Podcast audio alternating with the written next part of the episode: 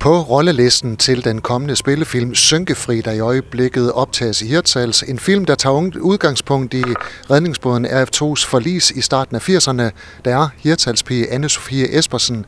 Anne-Sophie, hvorfor sagde du ja til den her rolle? Jamen altså, jeg kunne jo ikke andet end at sige ja, det er faktisk rigtig lang tid siden, jeg selv begyndte at plage om at få lov til at være med. Det er heller ikke sådan en kæmpe stor appearance, jeg har. Det er næsten, øh, jeg er med som en lille slags maskot. Jeg skal stå i bar nede på Pauls Kro. Hvad er din rolle? Bartender. Og nu får jeg, nu får jeg gæster. Hej Jan. og Henry. Sådan er det, når Anne-Sophie kommer tilbage til Hirtshals, så er der nogen, der vil hilse. Ja, så er der nogen, der skal hive i mig. ja. Men hvad tænker du om det? Du har været med på meget større produktioner end øh, Synkefri her. Altså, jeg synes jo, altså, på mange måder det her, det sådan spiller øh, fuldstændig, fordi det er en fantastisk historie. Øh, rammerne heroppe er jo helt fantastiske, og så ved jeg fra produktionen, at der har været rigtig mange statister med heroppe fra lokale, og de har virkelig, virkelig gjort det godt, øh, og har givet sig noget super autentisk til det. Og der er jo nogle gange, når man sådan laver store produktioner i København, så de statister, man hyrer ind, de er også sådan ret øh, velopdragende og vant til det, og måske sådan lige vel effektiv nogle gange. Og der har det virkelig været en fordel med de lokale heroppe, for de har bare været lækker baggrund.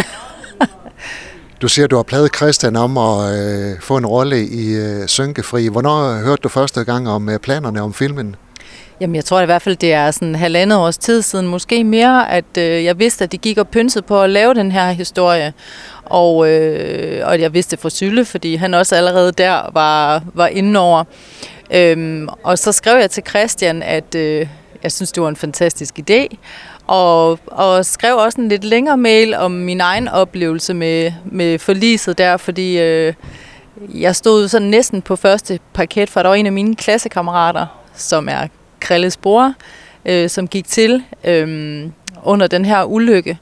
Og jeg kan simpelthen huske den der fornemmelse af, af en by, der er ligesom øh, forstenet øh, i chok og vantro efter det her, det var sket. Og det var noget, der stod på i rigtig, rigtig mange år øh, med hele det her med Havarikommissionen og, og sådan nogle ting. Så det var sådan en, der er ligesom et før og et efter. Så det blev jeg nødt til ligesom at dele med ham. Som du selv siger, at din øh, søn han spiller en af hovedrollerne i øh, filmen. Hvordan har du det med, at han har fået en større rolle end dig? Det må han gerne. Han må faktisk få alt. øh, ej, jeg synes, det er så fedt. Øhm, og, og Sylvester har jo også hørt om historien, fordi vi også har set mindesten deroppe, øh, altså helt fra han var lille og sådan noget, så han kendte jo også nok til det. Øh, så jeg synes jo sådan, det var helt rigtigt, at, øh, at han skulle være med her. Sylvester er døbt i Emmersbæk Kirke. Han stod blev holdt lige herinde på øh, Hirtshals Kro inde i Marinestuen, så... Øhm. Da Christian luftede ideen om øh, den her film, der var der sådan øh, delte meninger om det. Nogen mente, at man ikke skulle begynde at rode op i den øh, historie. Hvad mente du om det? Jamen, sådan tror jeg måske også, at det, det, det siger måske også sådan lidt om miljøet heroppe, at øh, man også øh, man har ikke lyst til at vi vil for meget op i fortiden, så er man også ligesom videre. Men jeg synes ikke, at, at øh, Christian eller historien på nogen måde sådan øh, snylder på en tragedie, eller udnytter den på nogen måde. Jeg synes tværtimod, at de faktisk sådan fylder historien, øh, folder den lidt mere ud, fordi den handler allermest om dem, der står tilbage, og måske primært kvinderne. Øh, og det har man jo heller ikke noget imod. Altså den her med life goes on, og øh, vi må knokle videre. Og den handler jo netop ikke om heller at fortabe sig i fortiden. Hvordan har du det med at skulle spille øh, bartender på Pauls Kro?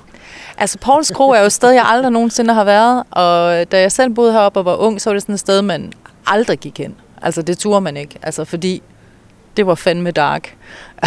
altså, det var næsten om, som om at ondskaben hang i væggene. Jeg ved ikke, hvad der er foregået derinde, men nu, øh, nu ser jeg den jo så indenfra. Jeg kan se, at den er jo egentlig meget sådan uh, welcoming, når det kommer til stykket.